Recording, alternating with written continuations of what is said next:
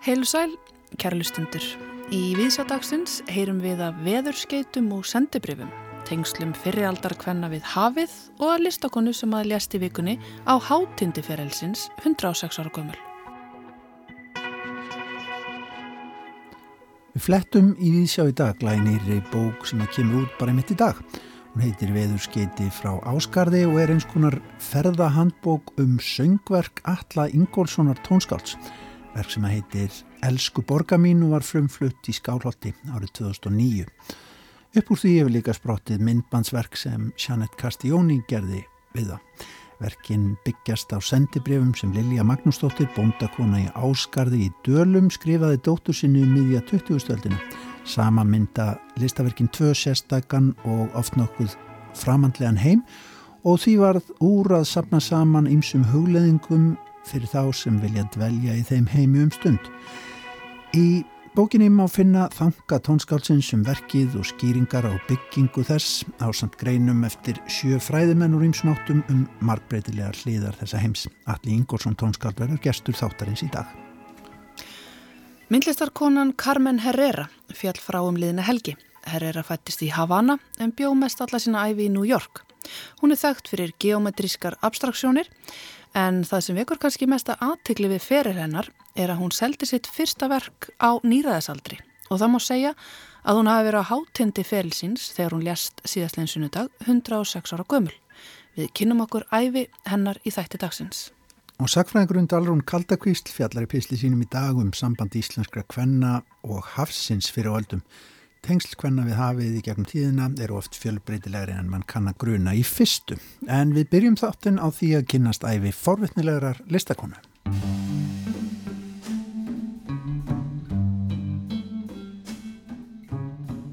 Um liðna helgi ljast myndlistarkonan Carmen Herrera á heimili sínu í New York.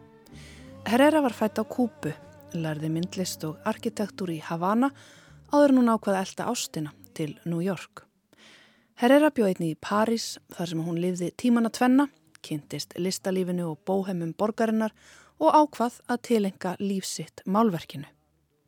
Hún var ötull listamæður sem skilur eftir sig umfangsmikið sapnverka en hún seldi samt ekki eitt einasta verk af síningu fyrir nárið 2001.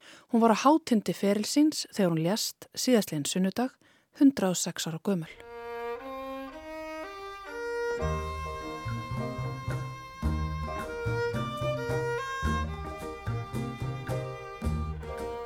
Herrera fætist á Kúpu 1915. Hún ólst upp við örfandi samtöl, frjálslindi og framústefnulegar hugmyndir í Havana.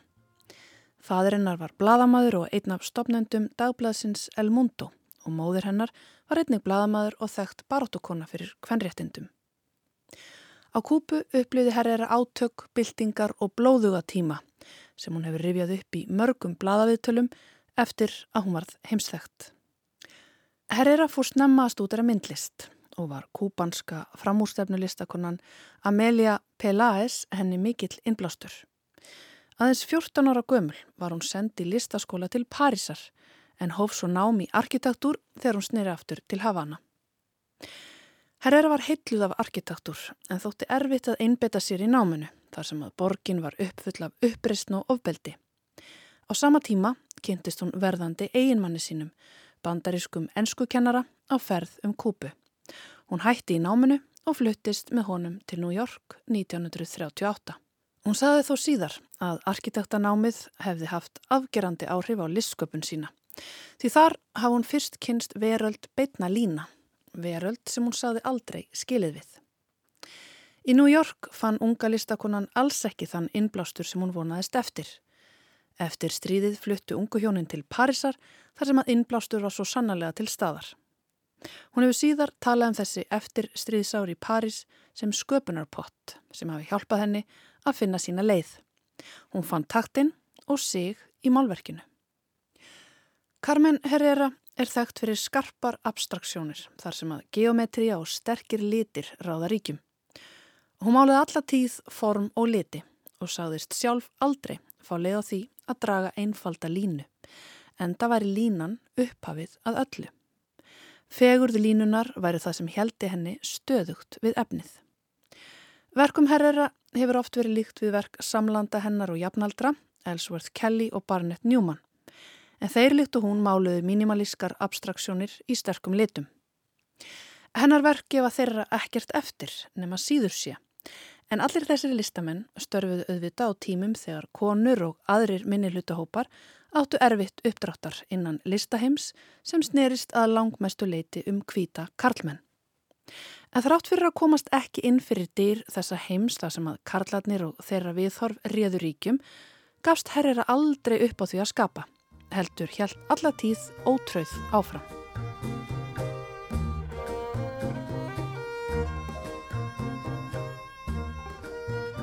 Myndmásitt hafði herrera fundið í París.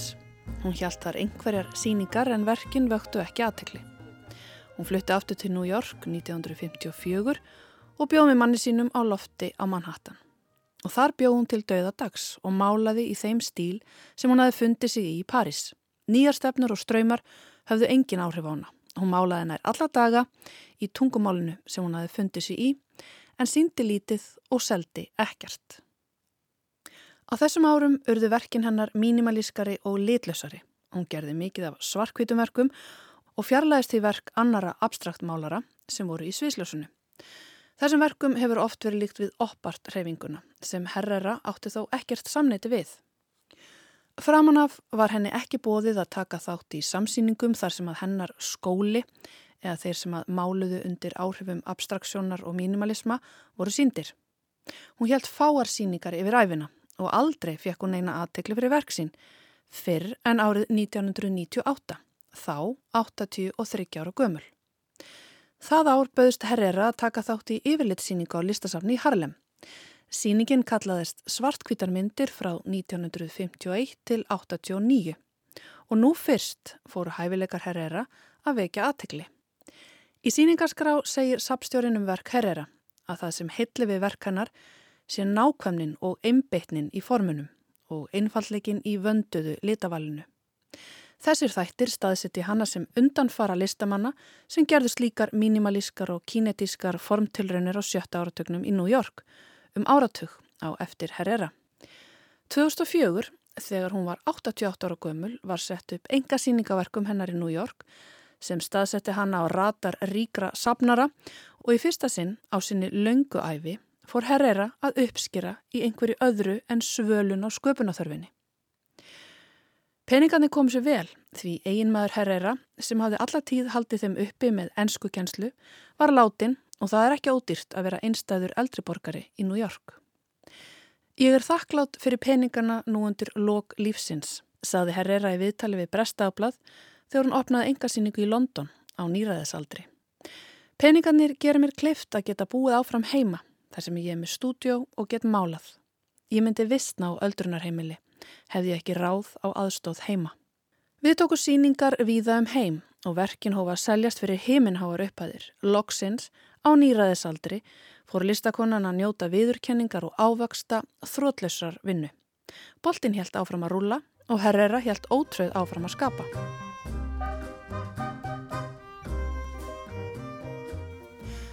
2012 setti Whitney-safnið upp síningu á verkum hennar sem átti eftir að ferðast um heiminn og 2019 þegar Herrera var orðin 103 ára gömul var hún valinn til að gera útilistaverk fyrir New York borg.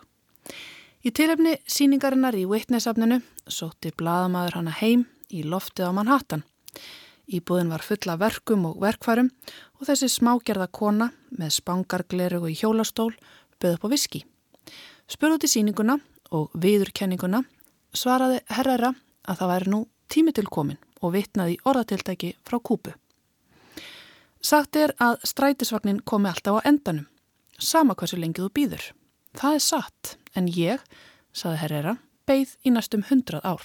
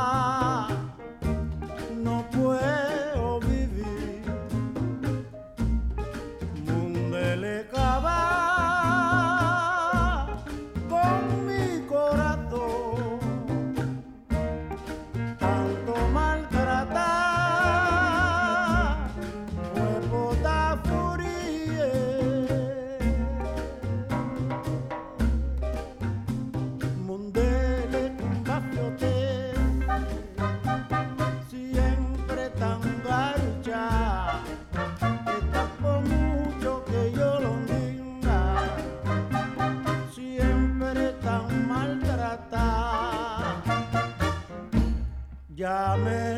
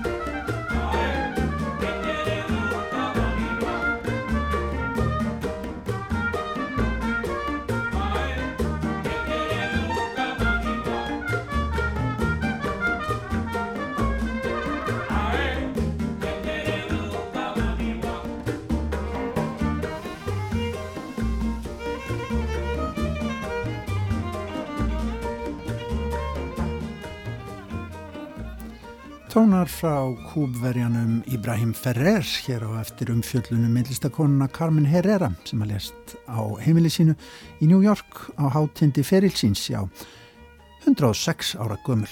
En þá er komið að öðrum konum hér í Víðsjá. Já, Dalrún Kaldakvísl, sagfræðingur, hún ætlar að halda áfram að segja okkur frá tengslum íslenskara kvenna við náttúruna fyrir áöld.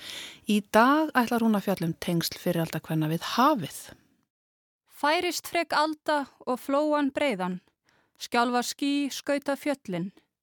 Mun það verða minnistætti öld ef mörg verður ekja á skagaströnd í kvöld. Svo mælti íslensk sjókona á þjóðveldisöld um hafið og kingikraft þess.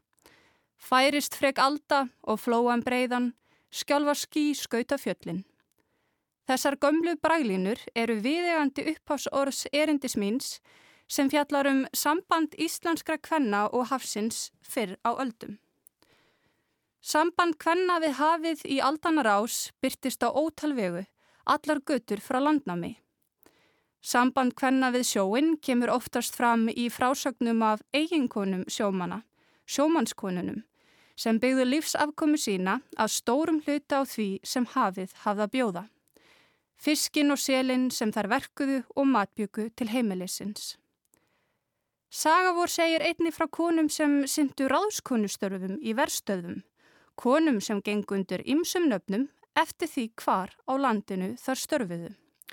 Hlutakonur, sjóbúðamatseljur, söðningskonur, vertiðakonur eða fangjæslur. Hvað skýrust voru þó tengst kvenna og sjávar í þeim tilfellum er konurnar stunduðu sjálfar sjósókn samhliða landbúskap. Þar með taldar vinnukonurnar sem látnar voru róa um vertiðir. Ímsar veiðar voru einni stundar heiman frá bæjanum þar sem konur sáum að leggja net og vitja þeirra. Einn eru dæmum konur sem ráku útgerð fyrir á öldum, útgerðarkonur sem stunduð ekki endilega fiskiróðura sjálfar. Íslandsagan geymir einnig feikimarkar harmsögur af konum sem druknuðu á bláum heiðum ránar, á ferðum sínum sjóleiðis og sögur af sjómannskonum er mistu eiginmenn sín í sjóin og sátu eftir einar með barnahóp í landi eða mistu síni sína unga í slíkum sorgaröðrum.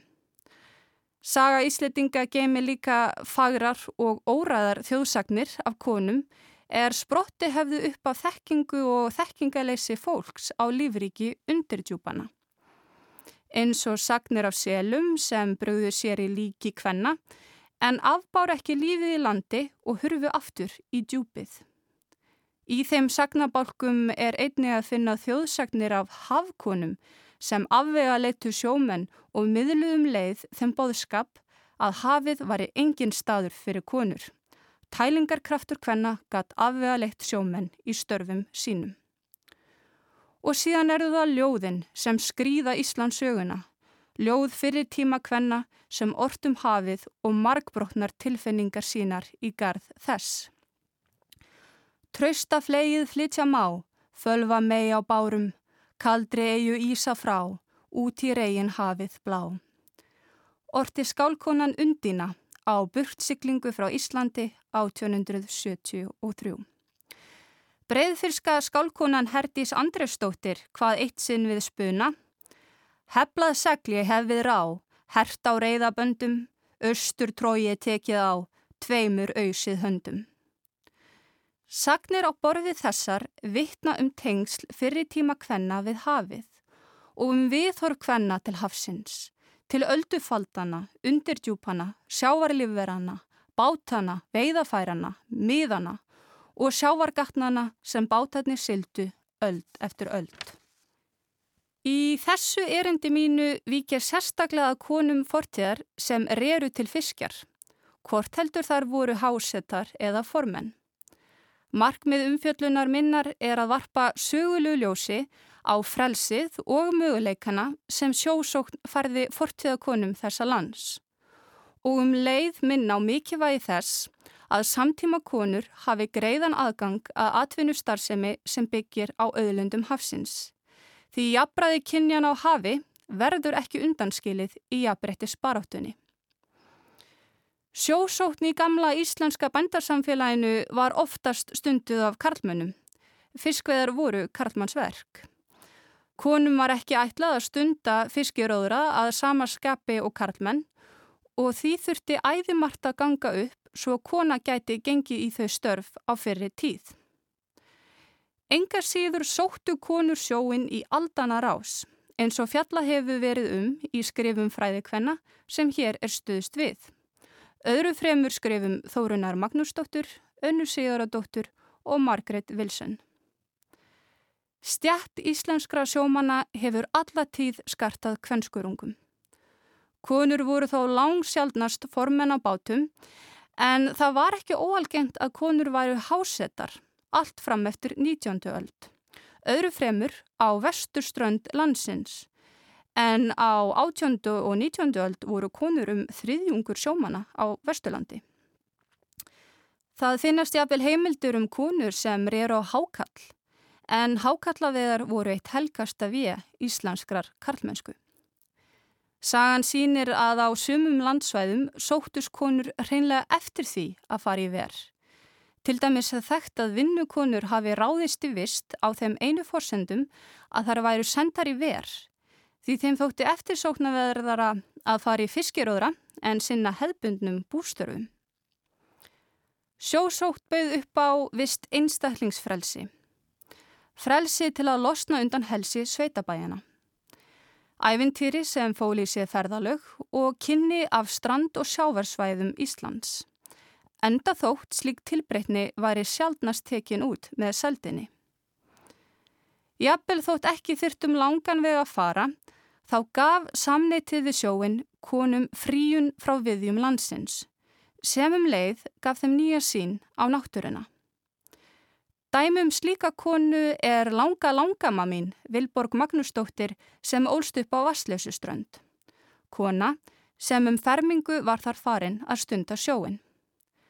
Þar larði hún að föður sínum miðin og annað sem tilþurfti sem gerði henni úlingnum kleift að sinna netaveiðum heimilisins eftir fráfall föðusins. Sjómenn miðluðu til barnar sinna fróðleikum hafið og það gerðu sjókonur einnig. Konur á borðið Guðrúnu Eggerstóttur sem kendi fóstur sinni sínum að stjórna bát og verja hann áfællum með leikrænum tilþrifum þar sem hún stóði reiknum við hlóðirnar í eldhúsinu. Staða hvenna sem reru til fiskjar var á Ímsa lund. Á Íslandi þekktist að dætur reru með feðrum sínum, svo sem Guðunni Hagalín í Flatey sem fætt var árið 1878 og fór á sjó með föður sínum á meðan bræður hennar sátu heima á bæ. Eginkonur reru einnig með mönnum sínum, jafnvel þungaðar konur. Dæmi er líka um að eiginkonur reru til fiskjar þegar menn þeirra lágu veikir heima. Eins og hún Þórkalla Jóhannsdóttir sem fætt var árið 1841 í Fossárdal. Þórkalla hafði stundaróðura með þöðu sínum frá því hún var 13 ára gömul. Á sínum fullorins árum sótti Þórkalla sjóin þegar maður hennar þjáðist af holdsveiki sem og í ekkjudómi sínum og var á tíðum formaður. Þá þurfti Þórkalla að skilja börn sín eftir heima bæ og ganga langar vegalengdir til að sækja sjóin og bara á herðum sér bjóðið, kassan sem gendi línuna og önglana 120. Íslenskar mæður réru líka með súnum sínum til að mynda Guðrún Jónsdóttir á fyrði sem var afbrað sjókona og réri oft þegar aðrir þorðu ekki. Guðrún sótti einni sjóin með sónum sínum uppkofnum allt fram á gamals aldur og sagði gerðnan þegar illt var í veðri. Ég skal halda um stýrið drengir. Konur sóttu líka sjóin sem sagðar voru sjálfrar sín, sem sé konur sem réðu sig á bát og fengu hásetta hlut sinn og skiptan. Ólíkt vinnukonunum sem voru sendar af húsbændum sínum sem síðan hýrtu hásetahlut þeirra, letu þar róa. Sjómennskan gaf þannig konum tækifari á að afla launa og sá hlutur var gerðnan jafn hlut karla sem með þeim eru, en slíkt launalegt jafnbretti í landi þekktist að segja má ekki. Lýsingar á fortíðakonum sem sóttu sjóin gefa grófa mynd af lífi og atgerfi sjókvenna á blári viðáttu hafsins. Þar sagnir vittna ekki aðeins um sambíli kvenna á sjávar, heldur líka um gildandi viðhorf bændarsamfélagsins til sjókvenna. Hugmyndaheimur Ísletinga í tengslum við hafið er mjög litaður af hugmyndum um karlmennsku. Hafið var eins konar vilda vestur Ísletinga, opin víðátta þar sem sjómenn tókust á við náttúruöflin í því skýna veiða fisk til lífsviðværis og jafnvel til að græðast fjö. Sögum þess hver hafið var karlægt umhverfi í augum íslitinga, þá var sjókonum gerðnan list sem karlalegum konum. Óvennilega grófgerðum, klárum og sterkum konum sem gerðnan snýru á karlkins mótræðara sína og gengu sumar í brók og stakk. Þart er að hafa í huga að líkamlegur og andlegur styrkleiki utan vekja heimilena var íðulega kendur við karlmenn, sem og grófleiki á líkama og sál. Einn þeirra sjókvenna sem var líst sem karlalegri konu var skálkonan og förukonan Björg Einarstóttir sem fætt var árið 1716, sem íðulega var kend við uppöldu stöðvar sínar, látra á látra strönd. Hinn stórskortna og skapmikla Látrabjörg fór í fiskróðra þegar hún var ung og var sögð bera sig kartmannlega að um borð. Margar vísur Látrabjargar hverfast um hafið, svo sterk tengsl hafði hún við ægi. Eitt sinn hvað hún. Róðu betur, kæri Karl, kendei brjóstum sjóin, harðar taktu, herða fall, hann er á morgun gróin. Önnur landstækt sjókona sem einni þótti karlmannleg í háttum er formaðurinn Þurriður Einarstóttir sem fætt var árið 1777 á Eirabakka sem fór að sækja sjóin strax einungis 11 ára gömul. Þurriður var nær allatýrð sjálfra sín og er minnst fyrir að vera engar aflagóður formaður sem sjómenn og sjókonur sóttust eftir að starfa fyrir. Þurriður gekk ættíð í karlmannsfötum en konur þurfti að fá leiði hjá síslumanni ef það er ætlið að skarta slíkum klæðum hvort heldur á sjó eða landi. Um þurriði var orrt. Undir gefnir eftir vonum, augum stefn á meikungsinn, hafa sveppn en vaka í vonum, víra gefn og hópurinn. Þurriður formaður minnur um margt á hinn að þjóðsagnakendu personu, þjóðveldiskonuna og sjókonuna Þorbjörgu Korku sem skáldið bóluhjálmar ritaðum og vísaði þar til áreðanlegra heimildamanna sem kuð hafa þekkt til Þorbjörgar. Án tilils til þess hvert vægi sannleikans er í sögnum af Þorbjörgu Kolku þá er vist að þjóðsagnaverur byggja á tilfinningu og reynslu sagnamanna sem gerir þær trúverðuar. Þorbjörg Kolka var ekki á ströndum sem misti mannsinn í sjóin og stuttu síðar fjall engasónur hennar frá þryggja ára að aldri. Þegar einn bára rís er önnur vís. Átti Þorbjörg að hafa mælt um harmdauða svona síns. Í kjölfarið yfirgaf hún heimili sitt, höfn í Hafnarvogi og sildi stóru skipi sínu, íklætt sjómannsklæðum, greitti átt að skaga í húnaflóa. Þar nam hún land og reisti sér bæ á nesi sem bar séðar heitið Kolkunes. Þorbjörg var listasmiður og náttúruvendarsinni og byggði sér bæ úr verstu rekadrumbunum sem hún komst yfir því hún vildi að bærin hirfi eftir sinn dag. En um þann bæ sinn mælti Þorbjörg. En fagurt vildi ég láta smíðið vera og tröst svo aðrir gætu séð mitt skaplindi. Þorbjörg var sannlega sjálfrar sín Hún reri einn á stóru skipi sínu en til að auðvelta sér syklinguna smíðaði Þorbjörg Treman sem aktaugar lágu um. Þorbjörg var sögðu vera engar stórvaksinkona, appraunakona sem reri manna best og bjargaði mörgum sjóminum úr sjávarháska. Þorbjörg Kolka þekkti miðin betur en nokkur maður og vittnan var til þess að hún hefði fundið hinn fiskmælu mið sporðagrunn. Þorbjörg var allra manna aflasælust og veður glegst, engin reri ef kolka var í landi. Um það vittna orð sem einn vitur bóndi í sveitinni mælti við Þorbjörgu. Vitur kona ertu og munum á þínum ráðum fara í kvívetna. En það mun líklega vera einaskiptið sem Karl hefur mælt slíkorð við konu í Íslandsögunni. Þegar Þorbjörg ljast átti hún að hafa ánafnað helmingi ygna sinna, fátækjum ekkjum og föðuleysum börnum. Ósk sem spratt uglust af reynslu sjókonu sem þekkti ekki dóm sjómannskonu af eigin reynslu. Þegar nærdregur samtímanum heldu konur áfram að sína störfum háseta og höfðu áfram skipstjórn með höndum. Störfum kvenna í tengslum við sjávarútvegin fór einni fjölgandi samlega því að sá undir stöðu atvinnuvegur eldist.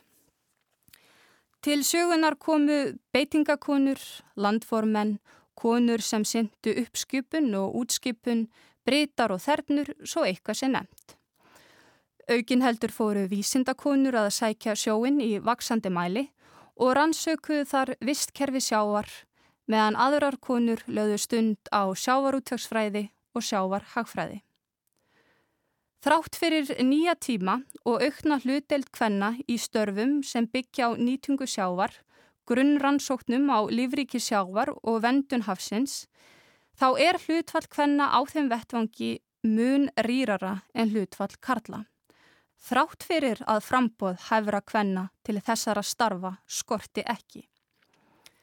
Þessi kynbundna skekkja er íktust þegar litið er til fjölda sjókvenna og hvenna sem gegna stjórnunarstörfum hjá fyrirtækjum og rannsóknarstofnunum er byggja starfsemi sína á auðlindum hafsins. Afturhaldið er mest þar sem feðraveldið stendur á gömlum merk og vist er að sjávarútvegurinn er einn skýrasta byrtingamind feðraveldisins í íslensku samfélagi í dag. Nú þegar válindir ströymar leika um vistkerfi sjávar þá er lífsnöðsynlegt að konur fái meiri aðkomu að málum hafsins. Sagan kennur okkur að konur skilja öðrum betur, Mikið þess að mannana verk séu látin spila rétt saman við þarfir náttúrunar. Jafnbretti kynjana þarf að ríkja á hafi ef tryggja á sjálfbarni undirdjúpana og umleið samfélagsmanna. Megi konur venda hafið um ókomna tíð. Sagði sakfræðingurinn Dalrún Kaldakvísl sem hefur verið að skoða tengsl íslenskra kvenna við náttúruna hér í viðsjáað undanförnu og hún mun halda áfram að segja frá rannsóknum sínum hér í þættunum að tveimur vikum liðnum. En þá er sungið fyrir okkur hér í viðsjá, leggið við hlustir. Það er vissulega sorglegt hvernig sömur fara með lífið, bæði að fáfræði og kæruleysi. Lífið sem er sínu rétta eðli er svo óumræðilega násamlegt. Því það Er það. Því það er það. Því það það. Því það er það. Því það er það. Því það er það. Því er því það.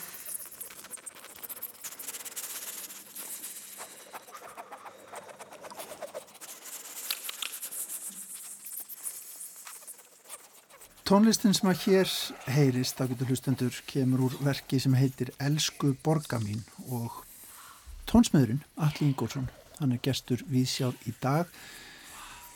Alli, velkomin, uh, þetta er margra ára verkefni hjá þér. Uh, rektu aðeins fyrir okkur forsöguna. Við erum að hlusta hér á tónverk sem á sér uppnum hvað á, á síðasta áratöð, ekki satt? Jú, það, já, það var uh, frumflutt 2009 á uh, sumatónleikum í Skálholti og, og spann síðan svona óurlega vatt svona upp á sig að, að, uh, að það bættist við að uppháðlega var þetta bara tónverk.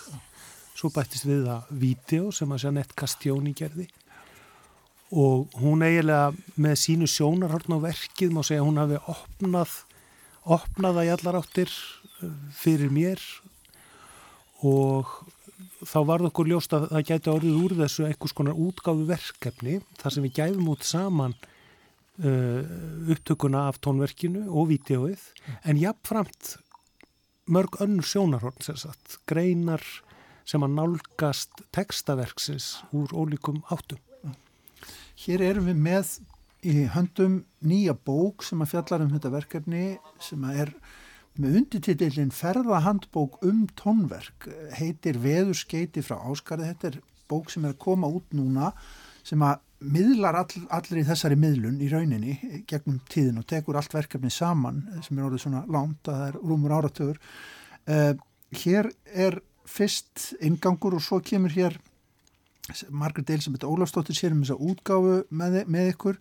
Uh, svo kemur hér, koma hér skáldlegar forsendur þínar settar fram í texta. Nákvæmlega. sko, forsendur þessa verkefnis hvernig og upphaf Já, við getum sagt, sko, ég er að tala um tónverkið í raun og veru Já. í þessari grein. Og auðvitað ætti ég kannski ekki að vera, sko, minn eigin tónlistafræðingur, það er svona pínu, en við búum í þannig landi það sem að fræðu sér í mörg hlutverk, þannig að ég skrifa litla grein til þess að útskýra uh, hvað, hvað um, uh, hérna, veldur þessari nálgun minni við textana sem eru sendibrif. Já og, og hvernig ég nota þá vegna þess að það kemur hugsanlega pínuspánst fyrir sjónum. Ég fannst ég þurfa að útskýra því að ég er alls ekki að búa til, ég er ekki að tónsetja einfallega tekstan, Nei. heldur er ég að búa til það sem kalla mætti skuldur, rattskuldur, hljóðskuldur úr efni þessa brefa saps.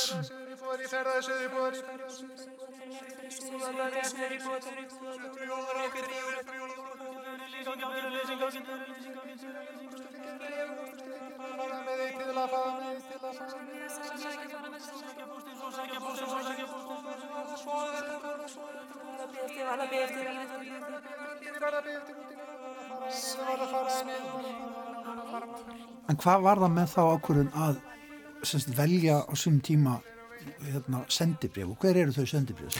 Sendibrifin eru einmitt skrifuð af Lilju Magnúsdóttur sem að bjó á Áskarði í Dölum. Og hún sendir, skrifar þau til dóttur sinnar, Guðborgar, eða Borgu sem er þá á héraskólanum á laugavetni uh, en hérna Er þetta úr ættinni þinni? þetta er reyndir ekki úr ættinu minni.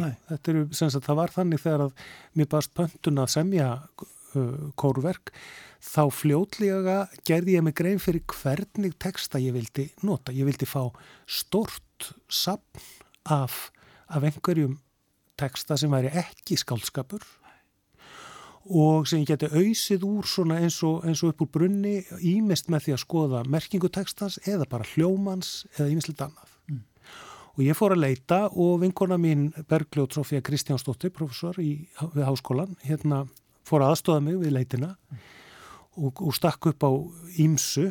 Uh, þar til henni hugkvæmdist að uh, tengdamóðurinnar átti þetta saman, sem það tekið við þessum brefum frá móðu sinni og það heitlaði mig algjörlega um, um leið. Og það er náttúrulega hlutið þess, sem sagt brefin eru Ég, ég, það var alls ekki meiningin að hefja þau upp á eitthvað stall sem stórkostlega skáldskap eða neitt en það er einhver sannleikur í þeim, einfallleiki og líka málfarið. Þetta eru skrifið 1949 og 1950 af uh, svona ómentaðri uh, konu en mjög vel, semst ómentuð hljómar auðvitað mjög illa. Það er mennri, já. já, Já, þú, þú, sem sagt, líka það, það fælst í tungutækjunu þú sérð að það, sem sagt, það er svo falleg hún hefur svo falleg tök á málinu og þar að leiðandi á sinni hugsun. Já. Og hún, svo sendur hún dóttur sinni kvæði líka sem reyndar sem er, sem er tónsett sem er kannski eina venjulega músíkin í verkinu. En uh, það bertist líka. Og úr þessu var þessi 25 minútna þetta landslag framkallað með röttum þar sem maður skilur mjög oft textan en stundum hverfur hann inn í einhvers konar, einhvers konar þóku. En samt núna á aðfangadagskvöldið. þegar Ég kom upp og. Allt annríki var búið og. Ég búin að kveikja. á þínan í fyrsta sinni í betur. fannst mér ekki vera eins bjart og venjulega þó var eins bjart í herbyrginu en það var í sjálfri mér sem bar skugga á eins og einhver leggur væri fyrir brjóstinu það varst þú sem vantaði af því þú hefur verið hjá öll jól sem þú ert búin að lifa Sko, af hverju þetta? Vegna þess að venjan er jú að menn fari grípi ljóðasafn upp á skálsins síns og, og tónsett í músík við, við eitthvað sem að virkilega hræri hjartað á þann hátt. Af hverju að leita í þennan svona, já, alþýðu grunn? Mjög góð spurning og þetta einmitt er ég að útskýra í fyrstu greininni um skállegar fórsendur.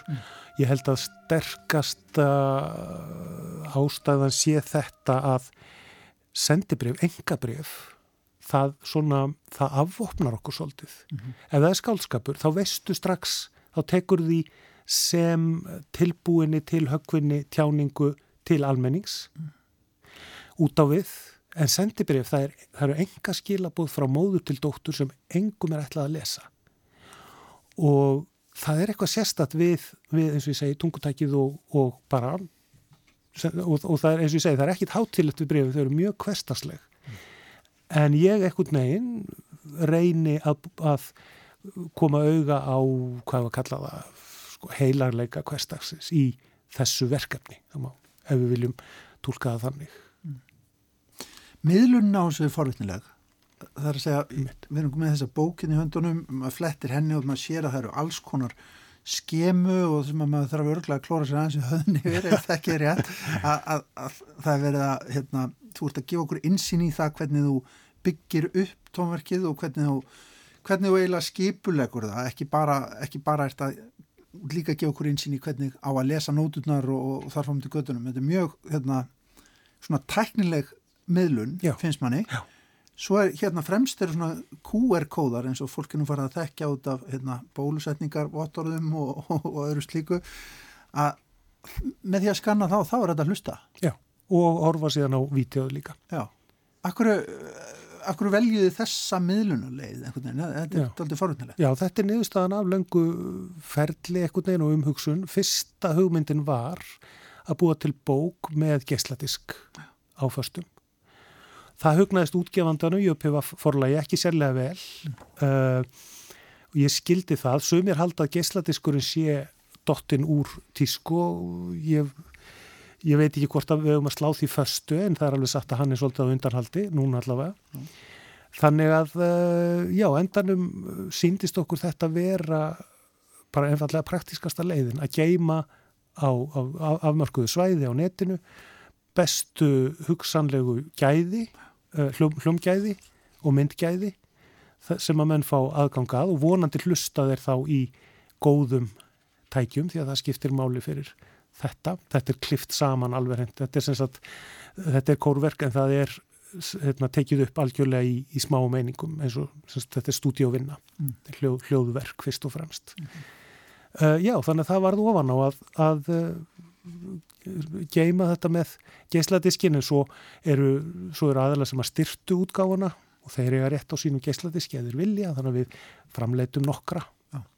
bara svona upp á, upp á ga- gamla takta, Já. halda við halda gamlum töktum. En þess að það er megin, eins og stendur í fórmálanum að þetta sé, þess, þessi útgáfa, hún er ákveð andof gegn svona kölluna sko stafræn skyndikinni af tónlist sem að týðkast í dag. Það er að segja okkar, okkur vantar, við söknum þess að eiga gamla albúmið, eitthvað til þess að horfa á á meðan þú hlustar. Og þetta er mjög ykt viðbröð við því að vera með margar, sem sagt, mörg sjónarhorn, bæði nó, part af nótonum og, og textan og síðan greinar og ljósmyndir og svo framvegis. Þannig að þetta er hugsað fyrst og fremst sem meðlæti, skulum við segja, eða partur af heildar upplifun. Einmitt. Svo sér maður að, að hér aftar í bókinni þá er þetta eiginlega orðin sko, já, hvað maður segja, marg fræ, fræ, fræðileg bók í rauninni. Það, hér er bókmyndafræði og Bergljótt Sofía er að tala um þessi bref. Hér er Guðfræði líka, Steinin Artrúður Björstóttir Guðfræðingur að skrifa grein. Sko, þetta er orðið ansi snúið. er, er, sko, býður efniviðurinn upp á svona rosalega mikla tólkun og, og, og meðfarir? já, hann gerir það, tímaralaust og eh, ég endur teka, það er ekki að því að, það er ekki að því að, að eh, textin sé einstakur á sinn hátt, við eigum mörg svona brefasöfn úr íslenskri menningu sem menn hafa verið að sína aukna aðtikli í setni tíð, en það er líka mjög skemmtileg grein eftir Sigur Gilva Magnússon, professor í, í uh, sagfræði, þar sem hann útskýrir til dæmis hugtækið einsaga. Já, einmitt. Sem hann er nú sérfræðingur í. Já. Og þetta er mjög, þetta er mjög einsögulegir taktar hér við Það, nákvæmlega. Já, það var það sem ég gerði mig grein fyrir bara eiginlega eftir að ég samti verkið sko. Hér er líka landstættu maður, Trösti Jónsson veðurfræðingur, skrifar um veðuratuðanir frá Áskarði og það er heiti bókarinnar. Akkur er veðrið? Hvernig er það svona ríkulegt inn í, inn í þessum brefasafni Já. eða hvað? það, uh, já ríkulegt, það er eins og stef það er eins og, eins og uh, Við erum öll að hugsa um veðrið alltaf. já, það kemur aftur og aftur í brefunum þannig að á einu stað í tónverkinu þá er því gert hátt undir höfði og um, uh, já, það, það verður einhvers konar leiðastef það þarf alltaf að segja frá hvernig veðrið er og við verðum vör við það að það er ansið mikill snjór þessa vetur sem að, sem að borga er fyrir sunnan. Og það þarf alltaf að segja frá því og, og, og ég tek á einu stað í tónverkinu til dæmis upp öll uh, öll veður heiti sem kom úr læt þylja þau upp. Og svo framvegis, það er ákveðin umgjörð og, uh, og já, veðurskeiti frá Áskarði það vil svo til að Áskarður er einmitt veðurstöð uh, núna. Og um, okkur datt í hugað tengja þetta við upprunan Sko segðu mér eitt, allir þú ert að kenna alltaf niður listaháskóla uh, svona þverfagli nálgun. Er hún það sem kom að skali í tónsmiðum eða, eða hérna er, er þetta það sem þú ert að breyðsendera fyrir, fyrir þínum nefendum til dæmis í listaháskólanum? Uh, já, góð spurning. Það er náttúrulega uh, svolítið í tísku núna kannski að tala um listrannsóknir, þar sem að fara saman rannsóknir og list. Ég er ekki sérstakur talsmaður þess en ég held að það sé, ég held að það sé skemmtileg viðbót við, við menningarlífið og, og starf listamannsins. En ég um, myndi ekki segja að ég prediki það að listamæður eigi endilega að uh, stunda margmiðlun af þessu tægi. Mér finnst alveg jafngilt einhver sem að sekkur sér djúft í eitt svið. Það er ekkit að því að vera bara að það mm. skilur þau, eða bara myndlistamæður uh, algjörlega, við mögum ekki miskilja, miskilja þetta þannig.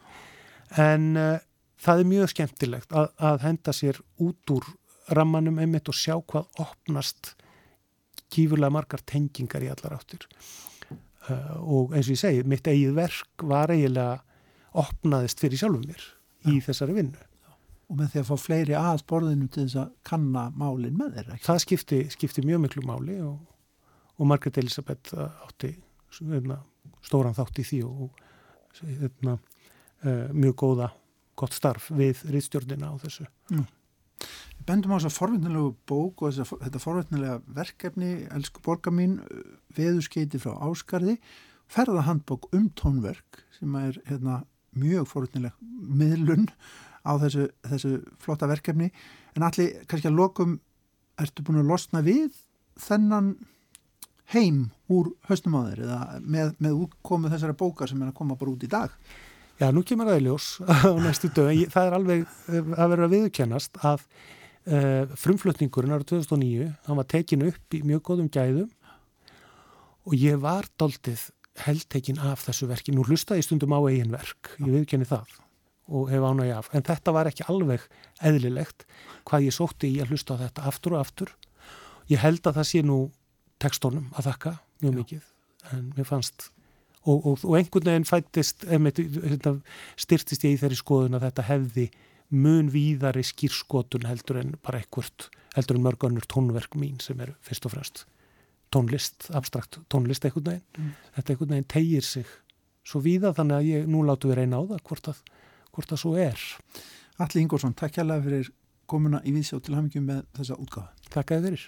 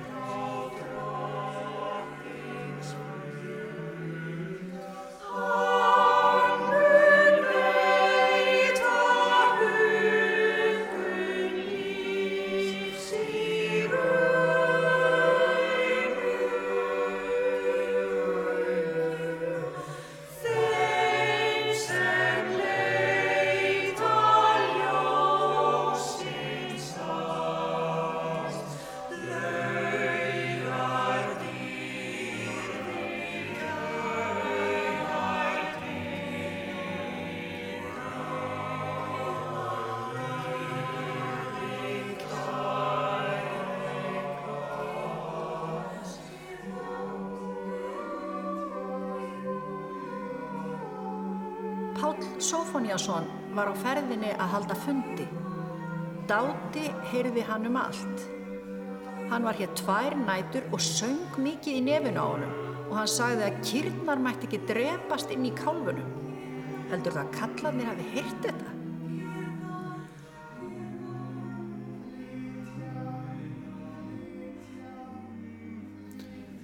Brot úr tónverkinu Elsku borga mín eftir Alla Ingólfsson tónskald sem við rættum við þarna. En í dag kom út frá JPVF útgáfu bókin Veðurskeiti frá Áskarði sem er eins konar ferðahandbók um þetta tónverk sem hefur aldrei undið upp á sig með ýmsum hætti síðan það var frumflutt fyrir einum 13 árum í skálholti.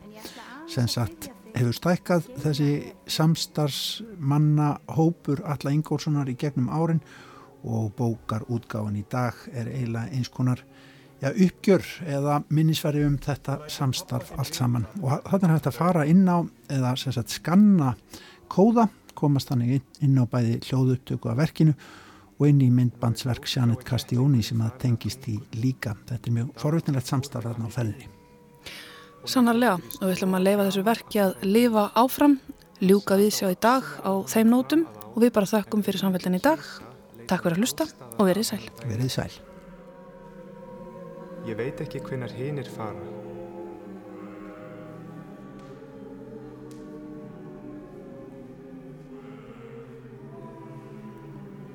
Hænsnunum var fækkar svona að því að sögum voru svo gömul og svo vildi Geir ekki hafa svona mörg. Þau eru í kofanum niður á túninu sem pappiðinn hefur. Þau eru í hænsnastíginni sem þar er. Við emma gefum þeim nema þegar ófært veður er.